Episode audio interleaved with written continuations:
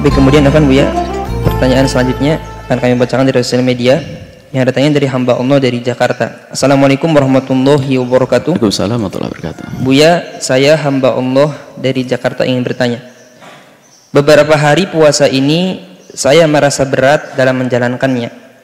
Karena sering kali menelan dahak saat telah dikeluarkan makhraj kho. Akan tetapi masih di ujung tenggorokan.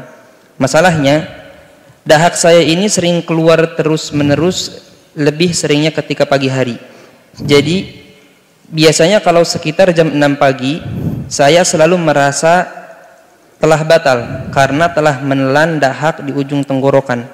Terkadang juga dahaknya saat coba dikeluarkan oleh makhraj terasa tidak keluar. Akan tetapi saat saya menelan terasa ada dahak. Terasa ada dahak juga yang tertelan. Bagaimana ini Bu ya? Baik. Apakah untuk hal ini saya boleh memakai madhab lain? Saya sudah sering mengeluarkan dahak walaupun saya telah berbuka puasa sampai-sampai minum obat batuk. Terima kasih Bu ya. Baik, bismillah. Yang pertama saya ajak Anda untuk masih tetap dengan madhab syafi'i dengan kemudahannya. Lalu nanti kalau Anda tidak bisa, kita beri madhab lain. Di dalam madhab syafi'i dengan kemudahannya. Misalnya ini, dahak. Maka dahak yang sudah keluar dari makhrajnya, nah, kok keluar? Maka jangan ditelan lagi dalam madhab Imam Syafi'i bahkan jumhur ini kalau ditelan lagi batal. Karena itu keluar dari dalam. Dari dalam sudah keluar kalau ditelan lagi membatalkan. Membatalkan sudah keluar. Kok keluar? Artinya keluarnya bagaimana? Kalau keluar itu artinya di saat hendak dikeluarkan dengan mudah itu yang keluar. Tapi anda tapi dari kalimat yang kami dengar susah dikeluarkan Lalu di saat saya telan terasa, loh, kalau susah dikeluarkan belum keluar. Om dikeluarkan saja susah, berarti kan belum keluar. Keluar. Selagi susah dikeluarkan, maka belum keluar, Anda tidak usah ragu, Anda telan. Tidak batal puasa Anda. Biarpun dalam madhab syafi'i. Kenapa?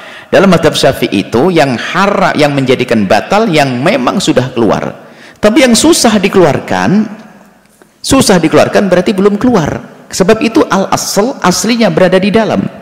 Selagi susah dikeluarkan berarti tidak keluar. Maka anda tidak usah pikir. Kemudian ini dalam madhab syafi'i dan insya Allah anda masih bisa.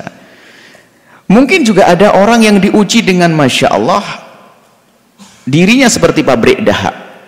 Dahaknya nggak berakhir-akhir keluar. Dan memang keluar banyak sekali dan sampai kecapean dia. Mau sholat bisa nggak sholat ini ini, ini. wah berani ya namanya manusia dan itu termasuk jenis sakit.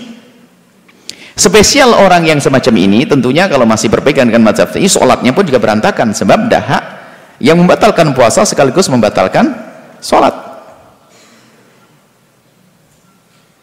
Membatalkan puasa, membatalkan sholat. Ditelan membatalkan puasa, maka membatalkan sholat juga. Sholat bisa bingung nanti. Maka dalam hal ini kalau memang kasusnya memang karena sakit dahaknya berlebihan, ada gejala flu dahaknya berlebihan saat ini masa masa tisuan terus wah wah wah begitu dan uh, maka ada madhab. Madhabnya Imam Malik rahimahullah. Ini spesial orang yang punya kasus ya kalau anda nggak boleh seenaknya. Anda tetap berpegang dengan madhab syafi'i selagi bisa normal. Ini yang nggak normal terus dahaknya ber bertubi-tubi.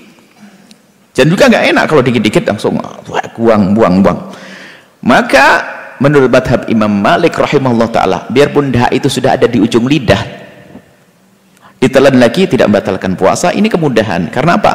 itu bukan sesuatu yang dimakan bukan sesuatu yang dinikmati bukan sesuatu yang dianggap lezat bukan ini, ini, dia madhab Malik mengatakan no problem. Jadi bagi yang punya kasus saja kita tidak ingin merepotkan orang-orang awam puasanya jadi serba kerepotan gara-gara dahak batal terus. Nanti dikodok. Waktu mengkodok juga dahak terus. Akhirnya nggak puasa-puasa dia beri madhab Imam Malik rahimahullah ta'ala sampai dikatakan bahwa biarpun dah itu sudah berada ujung lidah bukan di sini saja. Kalau ditelan lagi maka sesungguhnya itu tidak membatalkan puasa. Ini spesial bagi anda yang punya masalah yang tidak masalah tetap saja berpegang dengan madhab Imam Syafi'i dan Jumhur radhiyallahu ta'ala anhu